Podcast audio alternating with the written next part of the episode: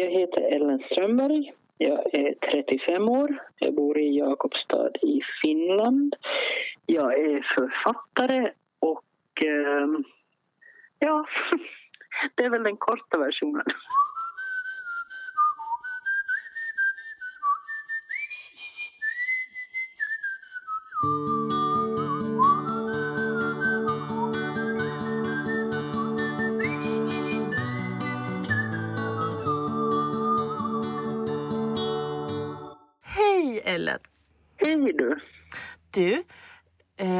Nu sa du inte i din lilla eh, inledande prata här att du är verbal konstinstruktör. Nej, för att det är nog någon på Wikipedia som har hittat på att jag är det. Är det sant? Jag vet, jag vet inte vad verbal ord vad instruktör betyder. än. Jag tror att de har fått det om bakfot. Alltså jag är ordkonstlärare, Ja. vilket alltså är... Eh, ordkonst är termen vi använder i Svenskfinland för liksom kreativt skrivande med barn Just det, eh, och precis. ungdomar. Och Ja. eh, det är jag. Så jag tror att det är det de är ute efter för att det här verbalord instruktör vet jag faktiskt inte riktigt vad är. Men Nej. det låter ju ganska fancy. Ja, verkligen. Ja, ja. ja men då, vad bra. Då, då...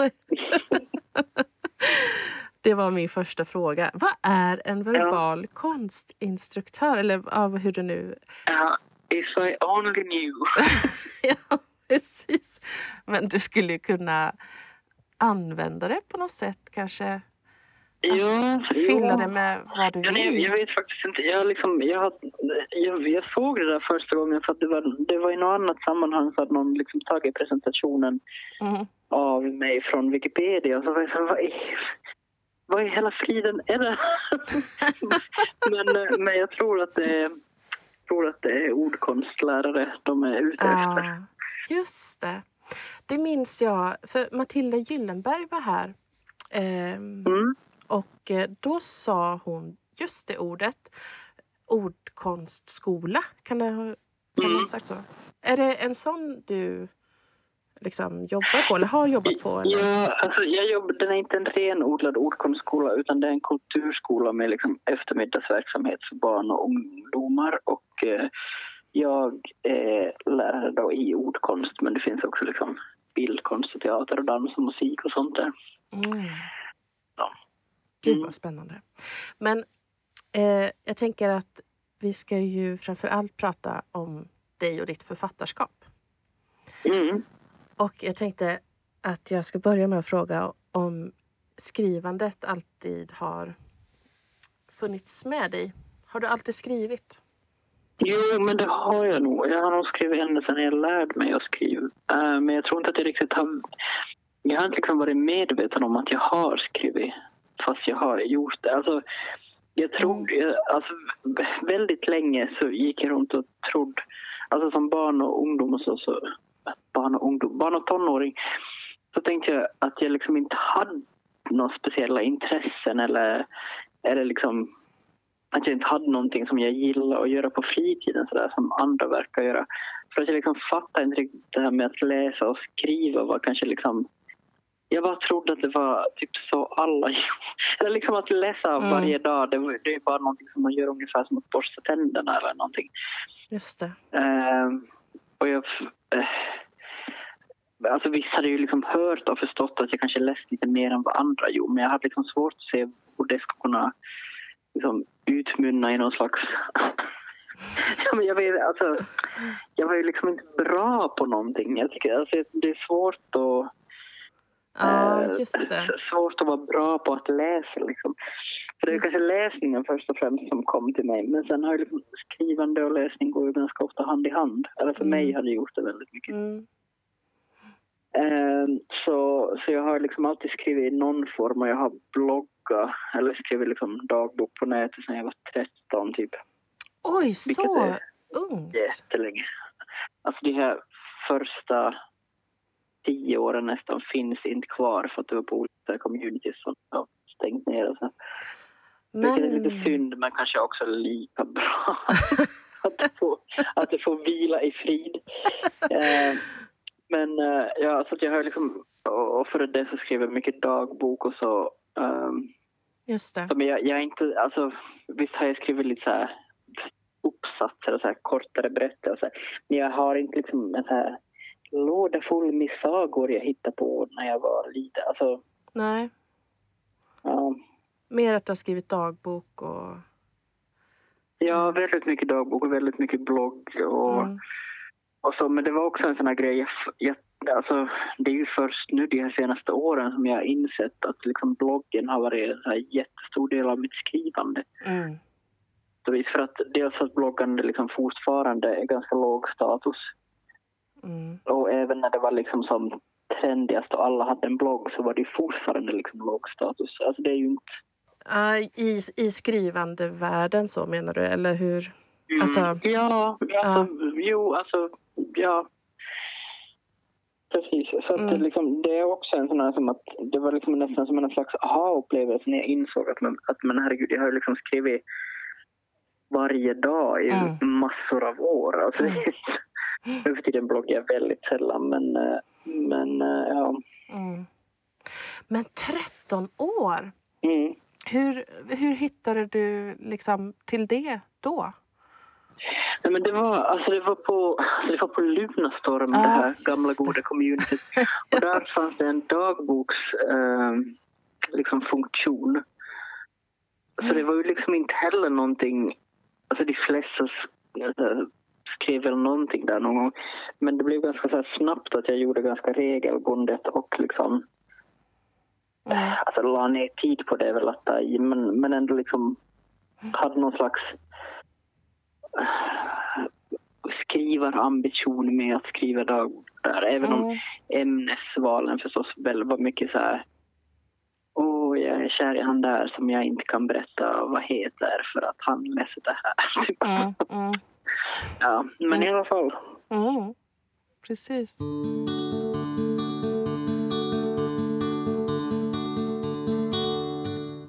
Jag tänker hur skrivandet eh, fortsätter att ta form fram till att du sen debuterar 2018 är det va? Som eh, Jaga vatten kommer. Alltså jag, jag var äh, kanske typ 25 eller något sånt när jag första gången gick en skrivkurs. Mm. Uh, och då var det verkligen, alltså det var på en sån här impuls, det var en, en kort, en helgs liksom sådär två dagars workshop som en bekant till mig sa att men det här kanske skulle vara någonting för dig.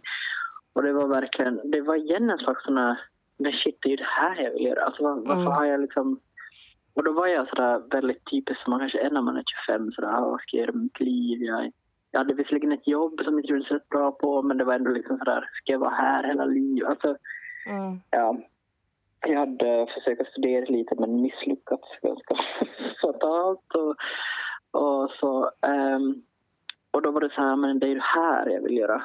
Mm. Och visst, alltså jag har ju liksom tänkt ända sedan barn kanske att författare är ett slags drömyrke men jag har också alltid tänkt att jag, det aldrig kommer att det kommer aldrig att gå för mig för att eh, ja, men för att jag har jag har tänkt väldigt länge att, att jag inte kommer att kunna skriva en hel bok för att jag, jag kan liksom inte jag har inte tålamod att skriva liksom 200-300 sidor. Eller liksom att, mm. att, att, skriva en historia som är så från från första sidan till sista sidan mm. kändes ganska så övermäktigt för mig väldigt länge. Mm. Eh, och jag är fortfarande ganska amazed över att jag har lyckats eh, i snart fem böcker. Mm. Eh, så, men det var liksom, så gick jag rätt mycket olika skrivkurser, både kortare och längre. Och så på en av de här skrivkurserna så var det liksom som att det som att det lite så här klickar till. Typ så här, jaha, men man kan skriva på det här sättet också. Att man, kan, man behöver liksom inte ha den där hela historien i, hålla den i, i huvudet eller, Nej, eller liksom veta precis hur allt ska gå från första sidan till sista sidan. Eller liksom att man, inte, att man kanske inte behöver skriva en bok som man läser den. Nej. Um, och då först liksom fick jag ihop det som skulle då bli Jag och vatten när jag insåg att ja, jag skriver bara jag skriver bara lite så här kortare grejer och så ser jag sen om det hänger ihop. Typ. Ah. Eh, och det gjorde ju. Ja, verkligen. Men var det så du skrev den?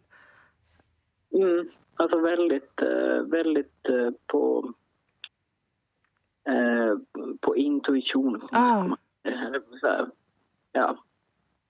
Jag skrev väldigt mycket. Jag hade, jag hade en ganska tydlig bild av vilken slags värld de befann sig i. Eller tydlig är väl att ta i, men någon slags, ja, någon slags ram för någonting. Jag, jag, jag, liksom, jag skriver ju inte så intrig, intrigdrivet på det sättet. Så att jag har liksom inte... nej. Jag visste ju inte vad som skulle hända. Så att, Wow, gud vad häftigt. Men har det, är det så som du sen har fortsatt skriva? Alltså på intuition mer? Ja, jättemycket. Jag har liksom inte... Alltså visst har jag liksom... Nu, nu för tiden så har jag... Eller nu för tiden, men det, det här senaste... Eller det som jag håller på att skriva på nu som Mm. inte är det som kommer ut i höst utan det som kommer efter det. Så där har jag haft lite sådär... Alltså jag har försökt skriva lite synopsis eller gjort lite Ja. sådär mindmaps men mest... Inte så väldigt tydligt men mest bara sådär...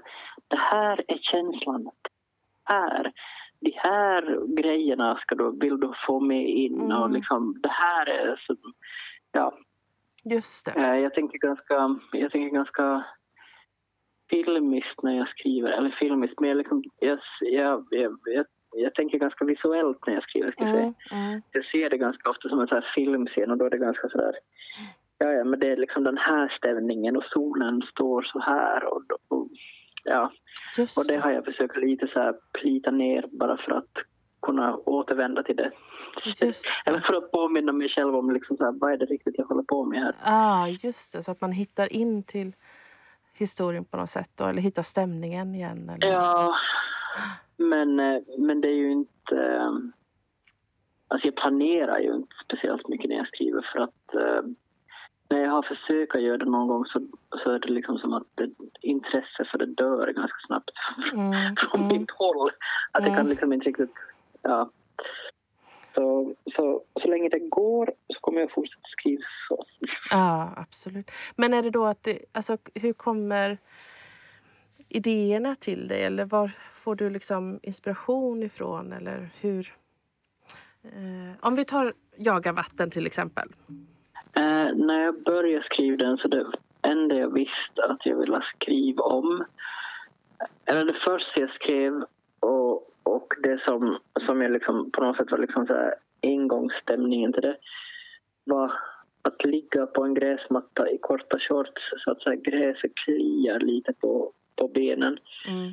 Och eh, så är det sommar och så är det varmt men det blåser lite eller det fläktar lite sådär skönt. Och så hör man eh, en kör som sjunger någonstans långt bort men det kommer med med vinden och de sjunger en vänlig grönskas rika dräkt. Och det, var, alltså det låter jätte, jätteflummigt men det var, det var bara det jag visste att jag ville skriva. Gud. Um, och jag visste precis, jag kan också så i detalj berätta precis vad det är det, det liksom luktar i den scenen och vad det är som händer. Alltså så, så här, men vad som händer vet jag inte, men det var det jag ville Ah, skriva. ah, just det. Eh, och samma sak med den här cykelboken som jag nu har uh, gett ut senast. Så med den så ville jag bara skriva om att ta ut sin cykel första vårkvällen efter en lång vinter. Mm. Det var allt. Mm. Eh, så det börjar ofta ett så här litet, litet frö av någonting. Eh, och det är ju sånt som jag liksom bara plockar på mig runt omkring mig. Liksom. Jag- Jag är en ganska sådär... Går och samlar på mig ganska mycket av allt jag ser och hör och tänker. Jag har, jag ska, man ska ju aldrig säga aldrig, men jag har svårt att tro att jag kommer att skriva en berättelse som utspelar sig i en annan värld än den som jag har omkring mig. nej, just det. Just det. Fast jag tror att det är liksom därifrån det mesta kommer. Ja, precis. Men när, när du eh, får den typen av inspiration eller idéer, eller liksom att det sätter ett frö, att du vet att det är det här jag vill. Skriver du ner det någonstans då? Och, eller hur, eller går, har du det i dig? Vart har du alla de här Ja, liksom, scenerna som, som sätter igång Eh, skrivandet? alltså, ibland skriver jag ner det, men jag är ganska oorganiserad så jag kanske borde ha någon slags system på det. Men nu har jag ju så här 52 000 anteckningsböcker med en sida skrivet i. Eller, Ja, fattar. eh, just anteckningsappen i telefonen full av sådana som jag sen inte riktigt vet vad jag menar med. Ja. Eh, men när jag... Mm, sen när jag, liksom, när jag är inne i ett projekt och vet att nu skriver jag att det här är, här är en och samma värld eller en och samma text jag jobbar med. Så då försöker jag vara lite mer snabb på att liksom plocka upp de här... Sådär, ja, ja, men vad är det här och, och Mm. hänger det här på något sätt ihop med, det. med, med vad jag tidigare har skrivit. Men det där brukar ta sig, alltså, det där brukar ge sig ganska naturligt. För när man, sen när man har skrivit några sådana scener på ren och så här, intuition så, Mm. Så brukar ju liksom någon slags karaktär dyka upp. Mm. Och när man har liksom, ehm, liksom ankrat det i en karaktär så då brukar det liksom eh, börja snurra på sig själv tycker jag. Mm. Vet du, jag läste en, ehm, en recension i DN. Nu minns jag inte vem det var som skrev, det var ju dumt. Nej, men som skrev att, ehm, att, man, att det är lockande att läsa Vi ska ju bara cykla förbi som en liksom, förlaga till eller tvärtom då, läsa Jaga vatten som någon slags fortsättning på Vi ska ju bara cykla förbi. De är ju någon slags... Alltså jag kan ju inte förneka att de har vissa likheter. Eh, Eller att, de liksom har, att det finns ett, ett ganska starkt bästispar i centrum. Eh, som har liksom lite sådär... I stundtals en ganska skev vänskap men Mm. också en ganska stark. Eh, men jag tror alltså i mitt huvud så Malin och Manda i, i Vi ska ju bara cykla förbi så de kommer att vara Ja. bästisar livet ut. Åh, vad skönt att Men, höra. eh, men, eh, ja. men Hanna och Rakel i Jaga vatten så de är nog... eh, Nej, de överlever inte det där. Nej men, jag, alltså, nej, men de, är, ja, de är tillfälliga i varandras liv. Men det, jag, alltså, jag är väldigt fascinerad av alltså, relationer generellt, ska jag säga. Men speciellt liksom, kanske just den här typen av, av, av vänskapsrelationer som man har när man är ung. Så man kanske inte sen, alltså det, ja, när man är liksom verkligen sådär bara två delar Mm. av samma av samma, jag vet inte, Mm. hela kropp på något sätt.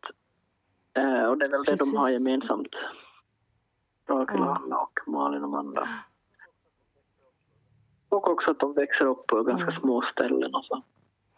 Alltså den här tvåsamheten och det känns ju som att det är lite återkommande tema i... Alltså jag tänker också på Maggan och Maggan året runt där det också kretsar mycket kring det här med bästis. Fast Maggan är mer fundersam kring hur man hittar en bästis eller sådär.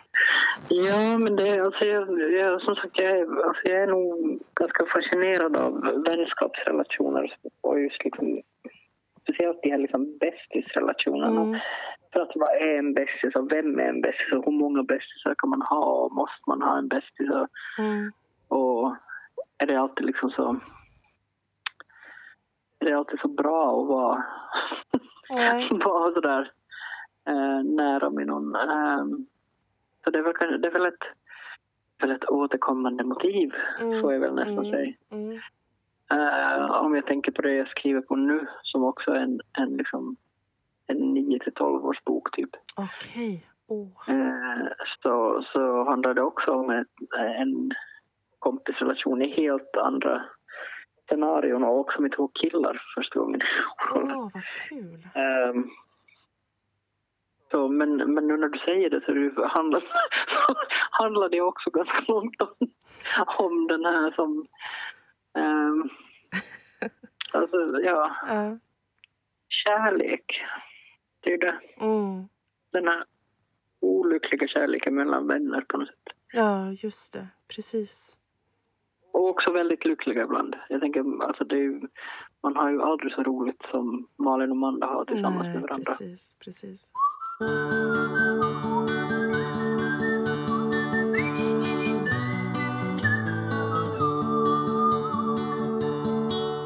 Du har ju skrivit en bilderbok som vi ska prata mer om också. Och, och så Maggan då som är liksom, Maggan är ju sju så ja, för den åldern ungefär. Och så en ungdomsbok och så vuxenromaner.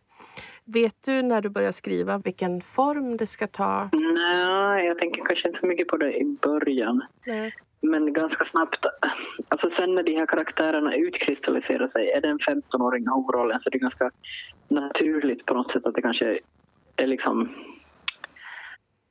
att det kanske är då tänkt att det är typ 15-åringen som ska läsa. Mm. Eh, men faktiskt så tänker jag inte jättemycket på... Nej, men alltså jag tror för att jag är ganska... Det, det är ganska långt handlade för mig om relationer och känslor och det har man ju oavsett vilken ålder man är i och vilken ålder Mm. där. Eh, Men sen kanske liksom problemen eller, eller så har ter sig lite olika eller Mm. är Jo. lite olika beroende på ålder. Men jag, nej, jag planerar nog inte vad jag ska skriva. Mm. Eller för vem jag ska skriva heller. Nej. Och jag, jag, alltså jag tänker att det kanske om några år kan börja se någon slags mönster eller liksom att det utkristalliserar sig någonting sådär. Mm. Ja, men det är det här jag ska skriva eller så. Mm. Eh, eller liksom att det har liksom fallit bort vissa här experiment. men, men eh, så länge jag får så är bara det är roligt att kunna skriva i lite olika, lite olika åldrar Ja. lite olika, ja, olika genrer vet jag inte, men på olika åldrar i alla fall. Ja, precis. Ja, och lite på olika sätt. Eller det får du i och för sig själv svara på. Om det ser olika ut, hur skrivandeprocessen ser ut. Om vi tar till exempel eh, den här bilderboken som jag inte har sett eller fått tag på. Lilla liten. Nej, alltså den här bilderboken är liksom ett, den eget kapitel för att den är, den är helt, eh, den skrev jag, alltså jag var projektanställd på ett ordkonstprojekt Mm. för ett par år sedan. Mm. Och i det projektet så skulle vi skicka ut ett ordkonstpaket till olika skolor. Och, då blev, och då hade jag liksom fått en sån här fix idé som jag faktiskt fått när jag sov. Så drömde jag att jag skrev en bilderbok på rim. Och när jag vaknade så kom jag ihåg vissa av de här rimmen och så skrev jag bara ner det och så blev det liksom en... en eh, blev det en bilderbok. Men den, alltså den, eh, den är helt utgiven utan förlag så den är liksom eh, utgiven inom det här projektet bara och vi skickade ut den till olika skolor Ja. i, alltså i nejden och det fanns väl en korstum kanske att, att hitta på Adlibris och så men den finns liksom inte på. Alltså, det, alltså det är inte en bok jag räknar till mitt författarskap, det är det inte. Utan det är liksom mer en, en produkt vi gjorde ja, inom projektet. just det. Så det är nog därför vi inte har hittat den. Nej, nej precis. Men, men du, när du sen skriver Maggan så är det samma illustratör, Elin Löv. Ja, precis. Och det var ju, alltså, när jag hade skrivit den här texten, som, alltså lagade jag upp den på Instagram och var sådär, haha, jag drömde att jag skrev ett bilderbok som manus, här är det, vad ska jag göra med det här, typ. Mm. Så, så messade Elin mig, för hon studerar Alltså hon studerar bildkonst här. Det finns eh, konsthögskola här i, i Jakobslund. Mm. Hon studerar här och var sådär, hej, jag, att jag, jag söker liksom ett slutarbete att göra i skolan. Att skulle jag få illustrera den här texten. Och vi hade inte heller tänkt, alltså det är en massa slump på slump på slump på slump. Så vi hade inte heller tänkt att det här som jag hade då rimmat ihop på typ en eftermiddag skulle bli en bok. Men sen när hon ville illustrera det och gjorde så jättefint och hon har Mm. också gjort liksom hela ombrytningen och, och liksom allting av boken. Eh, så var det så här, men den här är ju för bra för att inte liksom, för att bara trycka upp i ett exemplar till ditt slutarbete. Och det var då vi kom på, men det här kan vi ju använda de här ordkonstpaketen som vi skickar till skolor. Ja, just det. Eh, Men det var så jag och Elin hittade varandra. Ja. Men så trivdes vi så bra med att jobba tillsammans och så hade jag väl börjat lite så här fila på det här Maggan Mm, redan då. mm, Så då var jag så här, skulle du vara intresserad av att, att illustrera det här också? Och det var hon. Ja. Vem är Maggan? Eh, Maggan är en liten, eh, eh, ganska, eh, lite ängslig 20-åring. Mm, Eller eh, ja, hon är lite ängslig. Hon, är, hon, är, hon har ganska eh, stora bekymmer. Men hon är, hon är hon bryr sig väldigt mycket om hur det går för hennes nära och kära och hennes nära och kära är då hennes mamma och hennes morfar i första hand. Just det.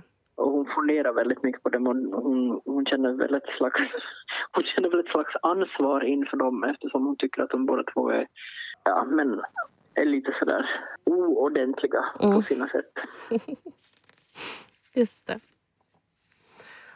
Och så utspelar den sig under ett, ett år då, i Maggans liv. Ja, först så skrev jag bara... ehm, det första jag skrev där var... eh, det är liksom en berättelse per årstid. Och då hade jag skrivit den här julberättelsen först. Det var det första jag skrev. Mm. Ehm, och sen tyckte förlaget att det var liksom lite för långt för en bilderbok och lite för... Alltså liksom så här, Mm. finns det mer av Maggan? Och det fanns det. Då blev det en, en berättelse per årstid. Ehm, och den utspelar sig på hennes första skolår. Den är jättefin. Den har jag faktiskt här i bokhandeln. Tack. Det var väldigt... Uh, Maggan som en liten sån här röstebok för mig själv. På. Mm. Eller jag har väldigt olika... eh, så här, det känns som att de är olika vänner till mig, det är mina böcker. Ah. Och, eh, eh, före Maggan skrev jag en, en vuxenroman som heter Klåda eh, som är ganska mörk och handlar ganska mycket om ångest. Mm. Och eh, eh, jag sov ganska dåligt i den perioden och, eh, och den handlar liksom om en kvinna som slutar sova. Åh. Och eh, efter det så tror jag att jag var liksom...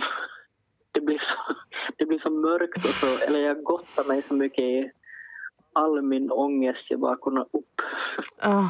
uppbringa för det. Så då var det jätteskönt att liksom dyka in. Jag tror inte det är en slump att jag då kände att nej, men nu vill jag skriva om en... Alltså nu vill jag skriva en bok med gul pärm. Ja, just det. Precis. Ja, ja. Nu, vill jag, nu vill jag umgås med Maggan 20 år en stund som på något sätt kan liksom Ja. ta mig i handen och leda mig ur det här mörkret. Ah, just det. Men jag tänker Jaga vatten är ju också ganska mörk. Eller det är den ju. Det eh, Ja, den är ju... Ja, Ja. det är den väl. ja. ja. alltså du, eh, du skriver så vansinnigt bra, Ellen. Du skriver så. Man blir, och, det är, och då har vi inte ens kommit in på alltså det som är liksom en av de starkaste eh, läsupplevelser på flera år som är Vi ska ju bara cykla förbi. Men eh, jag tänkte på det också med alltså, Jaga vatten och sen Klåda har jag inte läst men jag har förstått vad den handlar om. Och det är rätt så... Alltså hur är det att skriva om sådana saker? Jag tycker inte att det är... Alltså, Klåda var tung att skriva sätt, men det var också så här den, den svåra andra boken. Ja. Jag, jag, jag är liksom stolt över den idag, Mm. men, men ganska länge så var jag, var jag ganska sådär... Åh, kan bara begrava den verk? Ehm, Varför då? Men, eh, nej men just för att det, alltså det var den, alltså just att det är den andra boken. För att det, Ja. Jag tror att det liksom, det, hade gått, eller det gick rätt bra för Jag och vatten när den kom ut. I alla fall här i lilla svensk Finland. Och, eh, och det blir ganska, alltså jag antar att det är ännu jobbigare om det går dåligt för ens debut. Jag kan inte vara den som klagar på framgång. Men, eh, men, men det blir också liksom ett slags sån här, eller jag, jag, jag känner ganska mycket press Mm. inför den här andra Mm. boken. Och eh, stressar ganska mycket. Och, också för att jag, jag, liksom, ja, som sagt, jag mådde ganska dåligt Mm. under tiden jag skrev. Men, men i själva skrivande vet jag inte om jag mådde sämre Nej. än så. Jag tycker rätt ofta att det kan vara ganska... ehm, att det kan vara ganska skönt att skriva Mm. om mörker Mm. och möta liksom det, där, det där mörkret ibland. Mm. Skriver du fortfarande dagbok förresten?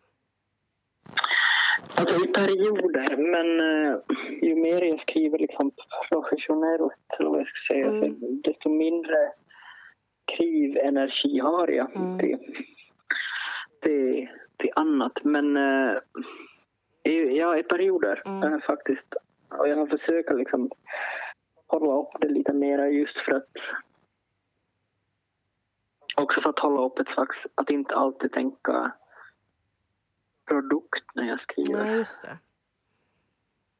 Det är ganska bra. Men jag skriver, ja, som sagt, jag skriver ganska rätt sällan blogg nu för tiden, men bloggen är ju en slags dagbok och även om den är kanske inte så, så intim eller liksom så personlig alla gånger så, så när jag läser igenom mitt bloggarkiv så vet jag ju vad jag menar. Eller Mm. jag, jag läser ju också det som inte är utskrivet där Mm, just det. och vad som finns liksom bakom raderna där. Mm. Så det är en slags dagbok det också. Mm. Är du författare på heltid, så att säga? Ja, jag har varit det i vad är det, tre år nu kanske. Vad skönt. Det är jätteskönt. Det är ganska...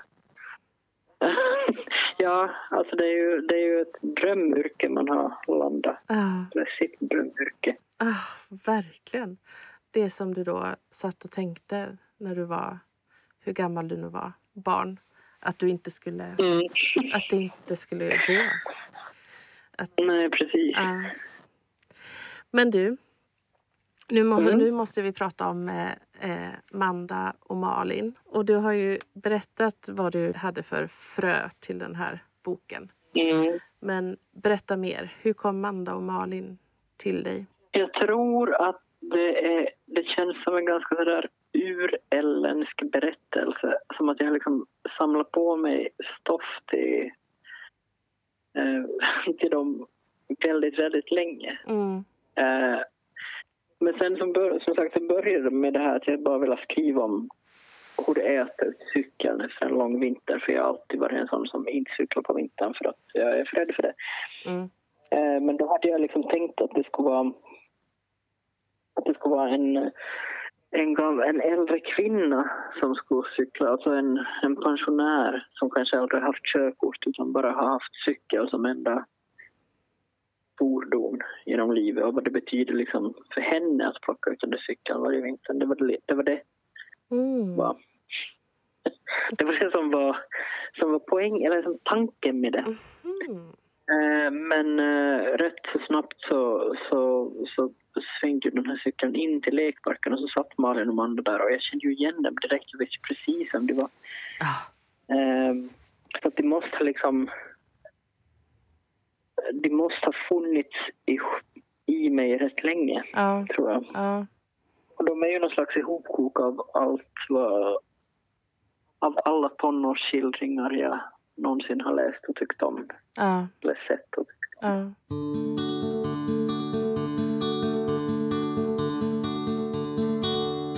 Du skriver ju så att det minnen vaknar till liv. Som man, alltså, och det liksom bara går rakt in och djupt in. Och Du sätter ord på saker som man inte någonsin har kunnat sätta ord på.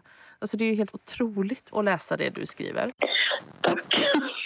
Det är en betraktelseförmåga som är helt enorm. Och har du samlat på dig det genom dagboksskrivandet också, tror du, genom åren? Ja, jo, det har jag nog. Och så tror jag att jag är en ganska sådär...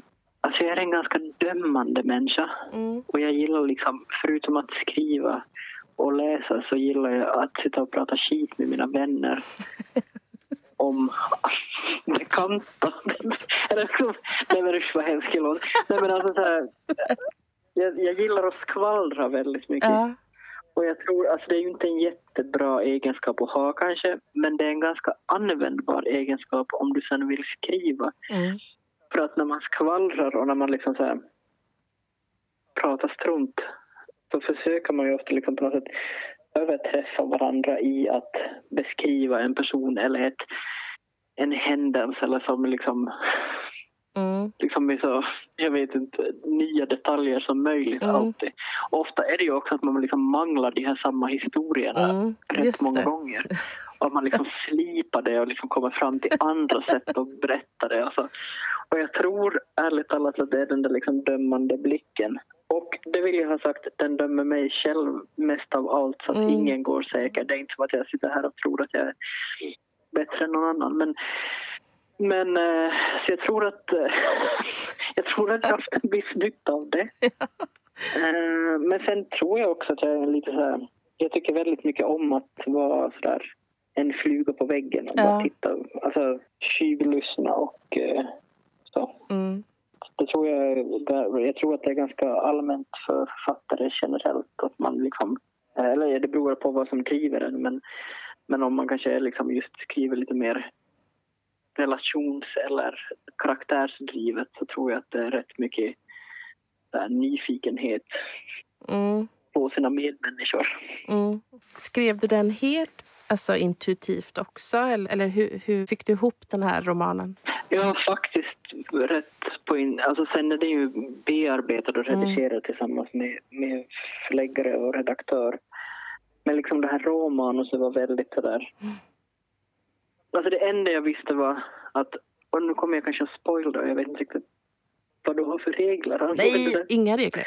Nej, okej. Men jag ville, in, jag ville att det skulle vara en, liksom, en kärlekshistoria mellan två kompisar. Jag ville inte att någon av dem skulle få en kille i slutet. Nej. Trots att det är det de tror att de vill genom hela boken. Mm. Så så mycket visste jag liksom. Mm. Men, ehm, men utöver det så var det lite bara så sådär som att jag bara... jag bara de, alltså de, de, de gick före mig, Malin och Amanda, så följde jag bara efter och bara jaha, nu ska ni på fest och jaha, nu är det här och jaha. Så, eh, ja, det är som sagt, jag är inte liksom sådär... Jag skriver, jag har liksom inte... Intrig är inte jätteviktigt för mig, även om det såklart behövs någon slags dramaturgisk kurva. Mm. Eh, men eh, Mm. Men de var så tydliga för dig liksom? ja, gud ja. Mm. Det var... Eller är? Ja, de är väldigt... eh, de är väldigt tydliga för mig. Men vad gör de nu då, Ellen? Vad de gör nu? Ja. eh, de är lyckligt omedvetna om att det har blivit uppståndelse kring dem.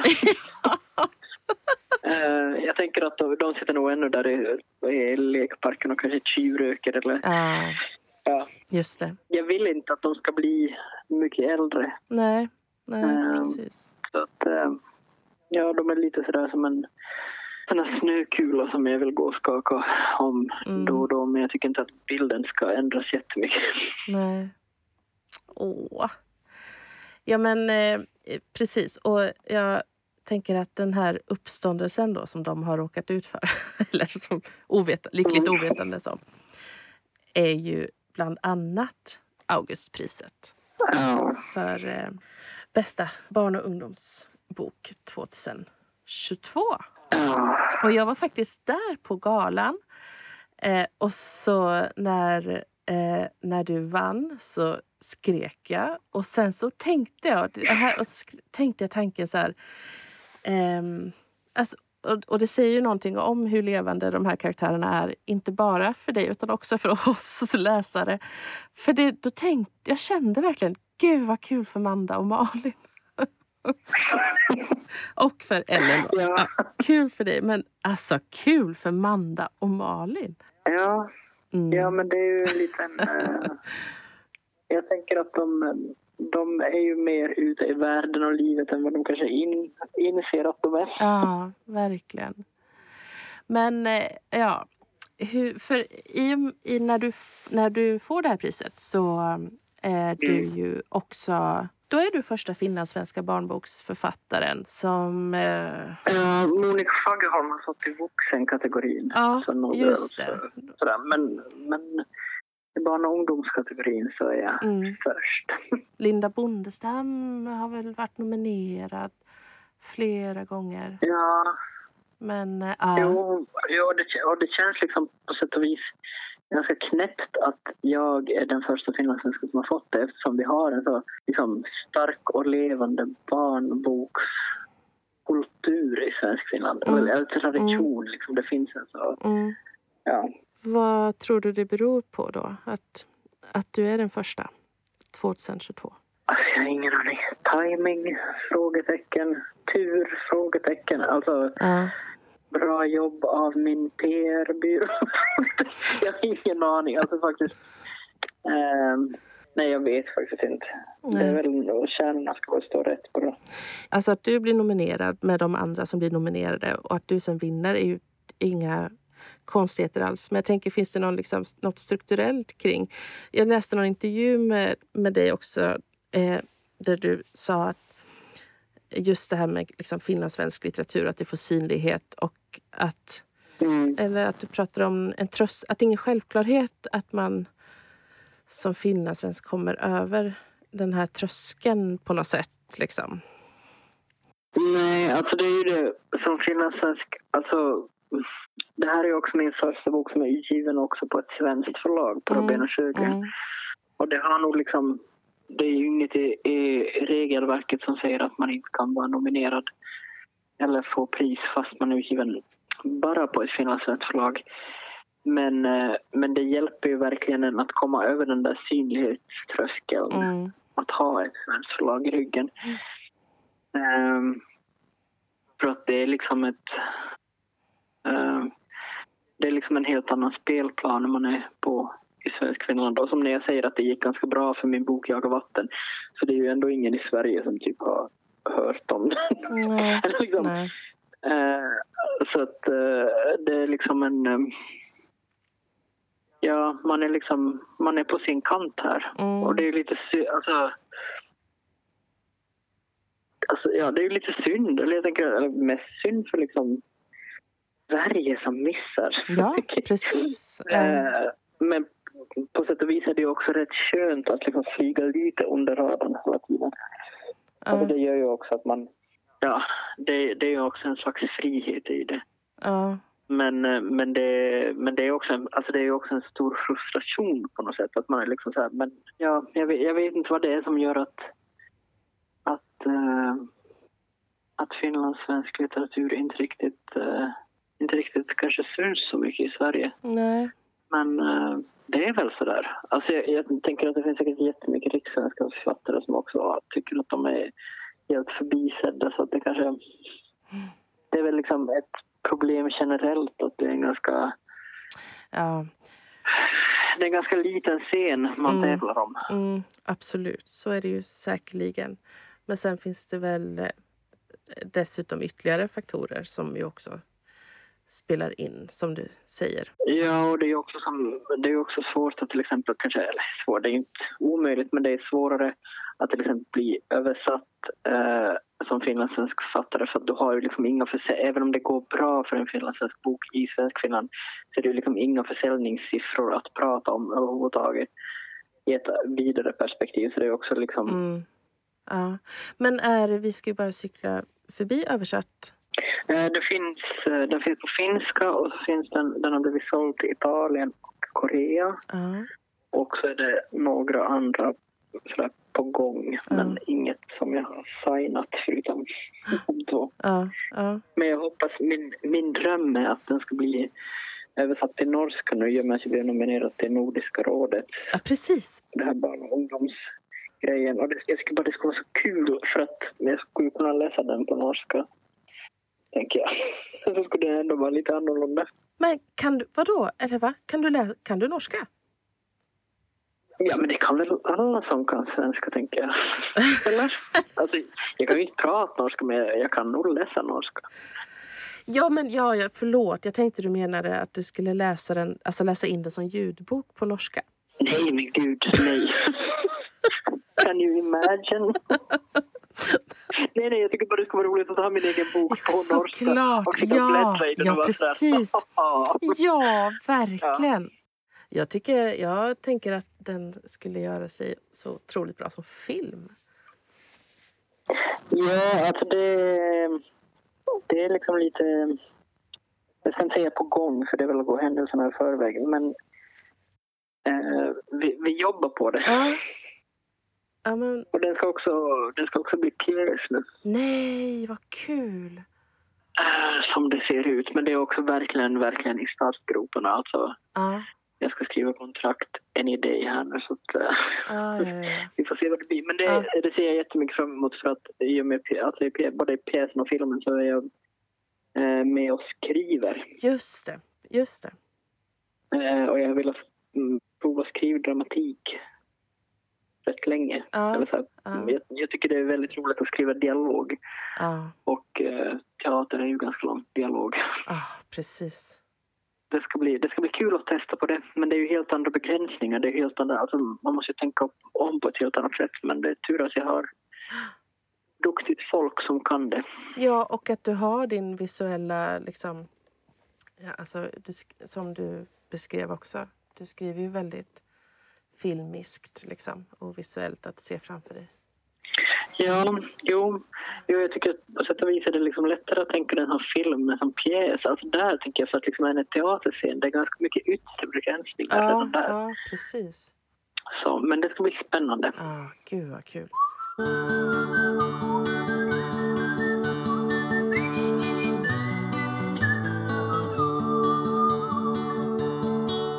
Jag läser Jaga vatten eller Vi ska ju bara cykla förbi så, så känns det också som att det finns en politisk aspekt av dina böcker. Eller i dina böcker. Mm. Och då, sam- samtidigt som jag tänker det så ifrågasätter jag det hos mig själv. Och varför, varför, varför tycker jag det då? Är det bara, eller du vet, att när det handlar om kvinnlig vänskap eller om eh, kvinnlig sexuell Mm. frigörelse så blir det genast politiskt då.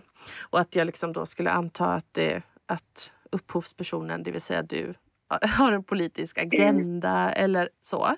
Förstår du vart jag, vart jag, vad jag menar? Um, alltså, jag skulle inte säga att jag har en politisk agenda i det jag skriver. Eller jag, jag, alltså, eller jag blir ganska sådär direkt... Jag känner lukten av någon slags ansvar så vill jag Ja, bara vara där. Nej, Ja, absolut ja, inte. nej. Jag bara skriver min lilla historia här. Eh, Men samtidigt så är jag ju liksom... Alltså jag är ju politiskt intresserad och jag är ganska...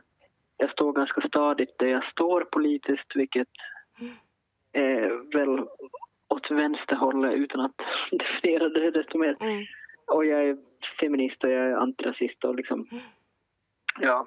Eh, men det är... eh, för mig är det... Alltså jag är mer intresserad av att skriva en värld som den är. Mm. Alltså liksom, jag är inte så intresserad av att skriva en utopi. Eller liksom att, att skriva om ungdomar som pratar som jag skulle vilja att ungdomar skulle prata. Eller liksom, Nej. jag vill inte skriva en helgjuten karaktär som har alla rätta åsikter. nej, precis. Sådär. Eller liksom, jag tycker inte att det är så intressant om inte... eh, om inte man är lite... om inte man är lite dålig människa också. För Nej. man är ju det. Ja, precis. precis. Och sen tänker jag liksom... Jag tror väldigt mycket på möten och jag tror väldigt mycket på... På liksom... Alltså jag tror väldigt... Jag, jag tror mer på liksom trojanska hästar än slagord när det kommer till politik Mm. kanske. Alltså liksom att jag skriver en berättelse och sen... Om den berättelsen kan liksom ingjuta någon slags nytänk eller uppvaknande eller någonting sånt så är det väl jättebra. Men det är liksom inte, det, man kan också bara läsa det som Ja. en berättelse. Alltså man Nej, det är liksom inte... Men, men jag, alltså... Jag, jag är också ganska intresserad av, alltså jag är ganska intresserad av hierarkier och klasser och hur man liksom står i förhållande till varandra. Både liksom i relationer men också så här... Vad är det som... Hur kan, hur kan jag berätta att, att eh, Malin har en... eh, har liksom en annan slags hemmakultur än vad Manda har. Mm. Och vad är det som är skillnaden där? För till, alltså, ja, Precis. nu, nu, nu är jag liksom ute. Jag, jag, du fick ett icke-svar på en icke-fråga. Jag känner att jag bara börjar babbla om en massa grejer. Men, Ja, men, men, jag, men jag är ganska intresserad av just hierarkier Ja, och klass. Och ja. det, det är väl också någonting som så här genomsyrar mm. Precis. det jag skriver. Mm. Ja, men och att det bara att det liksom finns med. Och om man tänker på representation i böcker så är det också... Eh, ja, men jag tänker att det är svårt ibland för att det blir... Eh, I Vi ska ju bara cykla förbi så finns det utan att... Eh, eller det bara är. Ja, men det är, ju, det är ju rätt ofta så det är. IRL, tänker jag. Liksom det bara är. Alltså Ja. man har ju... Sen kanske man, man får ju liksom se upp lite eh, om man som jag är liksom... Alltså vit och ganska normig sådär. Till det Mm. mesta. Så får man ju liksom bara se upp med så att man faktiskt inte... När man skriver så utgår man ju så ganska långt ifrån sig själv i allt man skriver och då är det ju liksom... Det kan, man kanske måste tänka ett extra varv och vara så här, vänt lite nu Mm. vad har jag... Mm. Har jag liksom sådär, men det är inte någonting jag... Jag tycker att det blir rätt... Alltså jag, jag tycker det snabbt blir genomskinligt om Mm. någon är sådär... Och nu ska jag få in någon som är gay. Alltså, Precis. det är ju inte riktigt... eh, alltså, det är inte riktigt så det funkar. Nej, precis.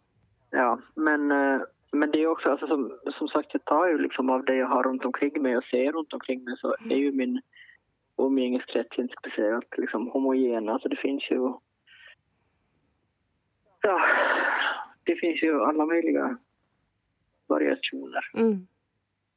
Ja, men du, det, du gör det så bra. och det blir så trovärdigt och det är liksom...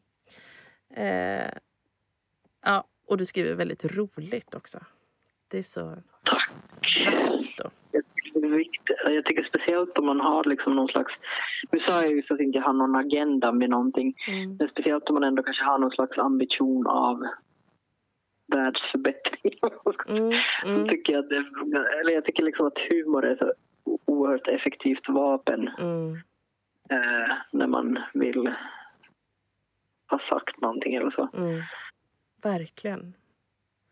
Men du, vad kan du berätta om eh, din eh, roman som kommer i höst? Bli utan.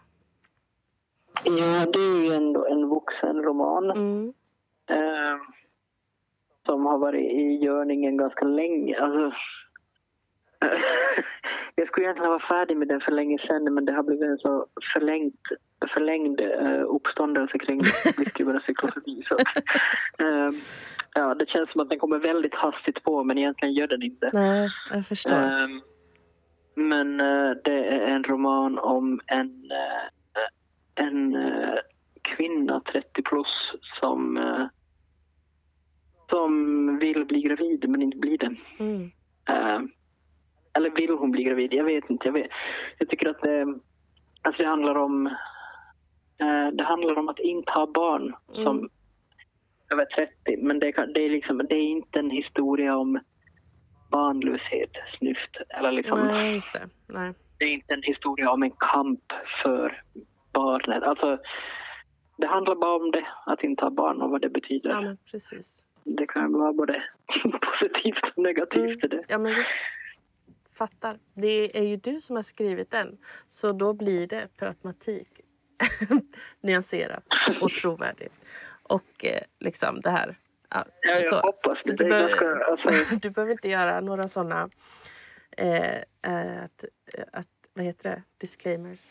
Att det inte är en berättelse om barnlöshetssnyft. Jag tycker att det är, det är nervöst att ge ut den här boken eftersom jag själv är 30 plus utan barn. Mm, Och jag märkte redan när, liksom, när, det, alltså, när katalogen kom här för ett par veckor sedan mm, så märkte jag redan att jag fick som väldigt mycket DMs mm, eh, om allt möjligt. Om att äh, styrkekram hit och dit. Jag var sådär... mhm. Men vänt, vänt, vänt, vänt. vänt. Ah, Alltså jag, ja, det är ju inte en, alltså det är klart att det, det handlar inte om mig men det handlar ju om saker jag har gått igenom eller så. ah, Och eh, sådär, men det är ju inte heller liksom en sån här, jag vet, jag vet inte, jag fick en sån här, nej men herregud vad har jag gjort? Alltså, det, har varit, det har också varit ganska skönt att, att vad heter det, skriva om två 15-åringar. För Ja. att även om jag själv har varit 15 så är det inte direkt sådär, jaha ja det här är självbiografiskt och nu känns det som att nu, just det. ja jag vet inte, jag tycker att det känns lite, alltså det, det är nervöst på ett annat, eller på ett nytt sätt att ge ut det här. Ja, Men samtidigt så var det det här som behövde skrivas. mm, Det, liksom så. det var det här det blev den här gången när Mm. jag försöker skriva just det. Något annat. Ah, så att, eh, då försöker jag bara följa med den historien. ja, just det. Precis. Men eh, ja, den kommer i september och sen skriver jag på, ja som sagt, en, en, en tonårshistoria igen. Mm. Var är du i den processen med, med den tonårshistorien? Var är du i den? Eh, jag är mitt uppe i skrivandet. Mm. Mm. Och det har liksom, den är ju lite sådär, ju, jag, jag har fortfarande kvar en del redigeringar som är det här blir utan manuset. Så det är det jag måste lägga energi på egentligen. Men det är det här, det här eh, tonårsmanuset som pockar på som jag vill skriva nu. Ah, Så att, eh, just det. det jag, jag försöker att inte vara orättvis mot min bli utan bok men just nu ska jag mest bara vilja ha ut den så att jag kan fullt fokus på. Ja, jag förstår. När är det... Är det olika kanske? Är, är svaret. När, när, var är det liksom som mest lustfyllt i processen att skriva en bok för dig? Och, och var är det som mest jobbigt? Eller? Jag tycker att det är som mest lustfyllt där någonstans i mitten. Eh, strax efter att man har fått lite sådär, jaha, men det är den här människan det handlar om. Mm. Eh, och så efter det så brukar det vara så otroligt roligt Mm. ganska länge. Och sen när man ska börja knyta ihop det, då blir det lite jobbigt igen. Mm. Eh, och sen tycker jag att redigeringsprocesserna, eller liksom, det tycker jag, alltså när man måste läsa igenom vad man själv har skrivit och liksom stå face to face med sin egen text gång på gång på gång, då är det svårt att inte liksom bara hata sig själv. Eh, det är väl också därför jag det är väl också därför jag tycker att det här blir utan det känns så... åh. Medan det här andra som fortfarande är liksom Just det. som jag fortfarande inte har behövt liksom ehm, ja men eh, se i ögonen Nej, ännu känns så otroligt eh, lockande. Ah, fattar.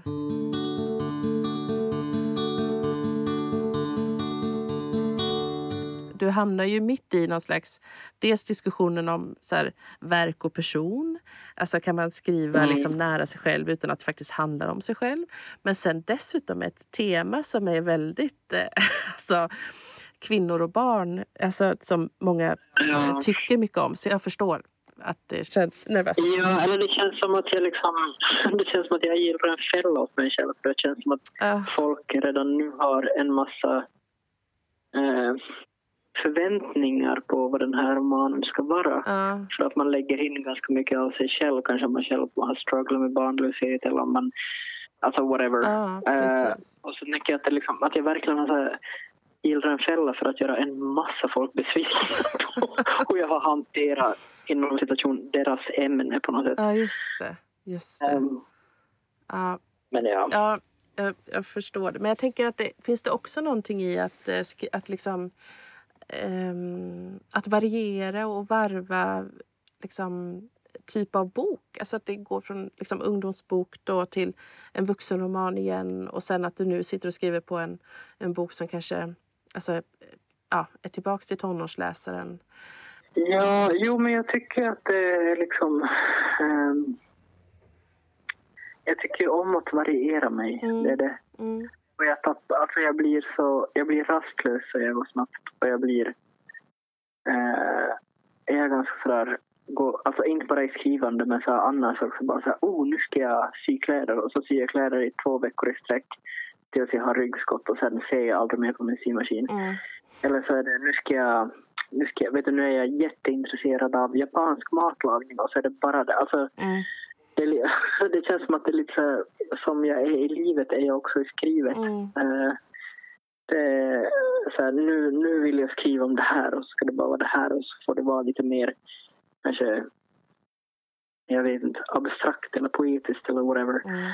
Och nej, men nu ska jag skriva, nu ska jag skriva en äventyrshistoria med nu, nu, är, nu är jag bara in på det här och det ska handla om arkeologi. Och, alltså det är så, Mm. ja. Mm. Så ja, det är väl någon slags, ett, bara ett uttryck för en ganska, eh, ja, ganska hopplös hjärna. och fantastisk hjärna.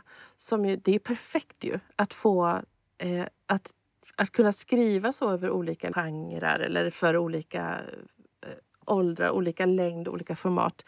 Det är ju perfekt att du, har, att du gör det.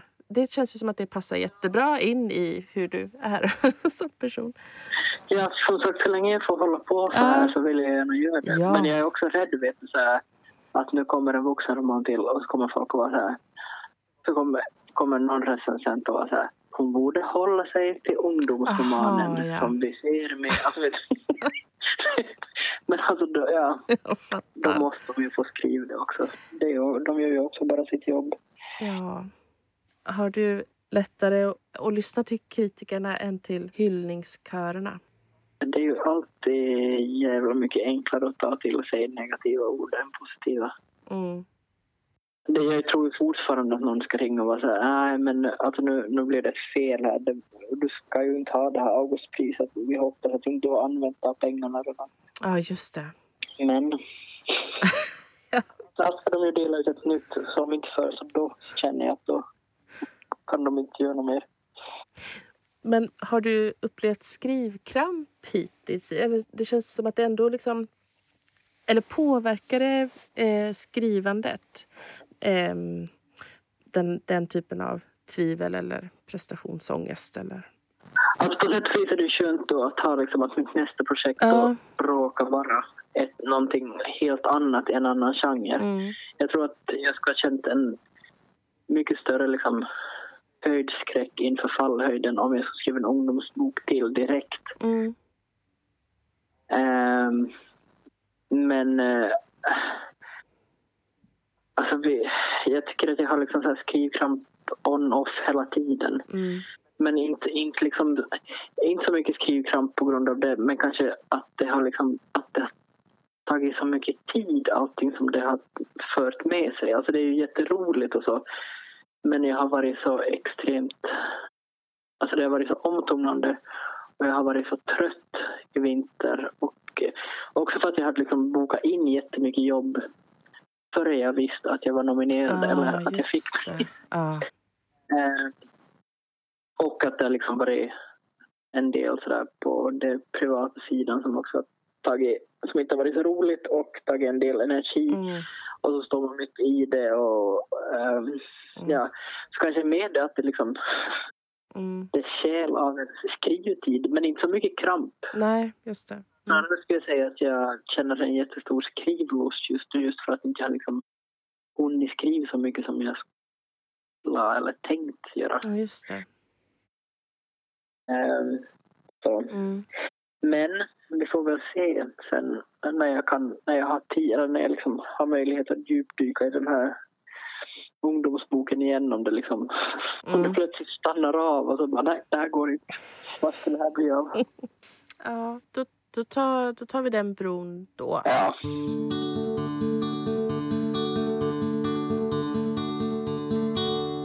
Finns det något, och det behöver inte vara skrivande heller i och för sig, finns det något som du inte har utforskat ännu som du gärna skulle vilja? Alltså det är ju dramatiken men det ska jag ju snart få testa på. Men jag kanske... Um, ja, som jag sa, den här ungdomsboken jag skriver nu så har två pojkar i huvudrollerna. Mm. Mm. En pojke. Och det är första gången jag skriver någonting med en huvudkaraktär som inte är en tjej och som, och som dessutom är en tjej som är i en ålder jag själv har varit eller är i. Mm. Eh, Så det känns som ett steg liksom från någon slags bekvämlighetszon Mhm. som var ganska Mm. roligt att ta. Mm. Och det, alltså jag ska inte prata sönder det. Eh, Nej, jag förstår. Men, ehm, men jag vet alltså jag tänker att alltså någon gång kanske jag skulle vilja skriva någonting lite mer historiskt eller som har någon slags historiskt djup.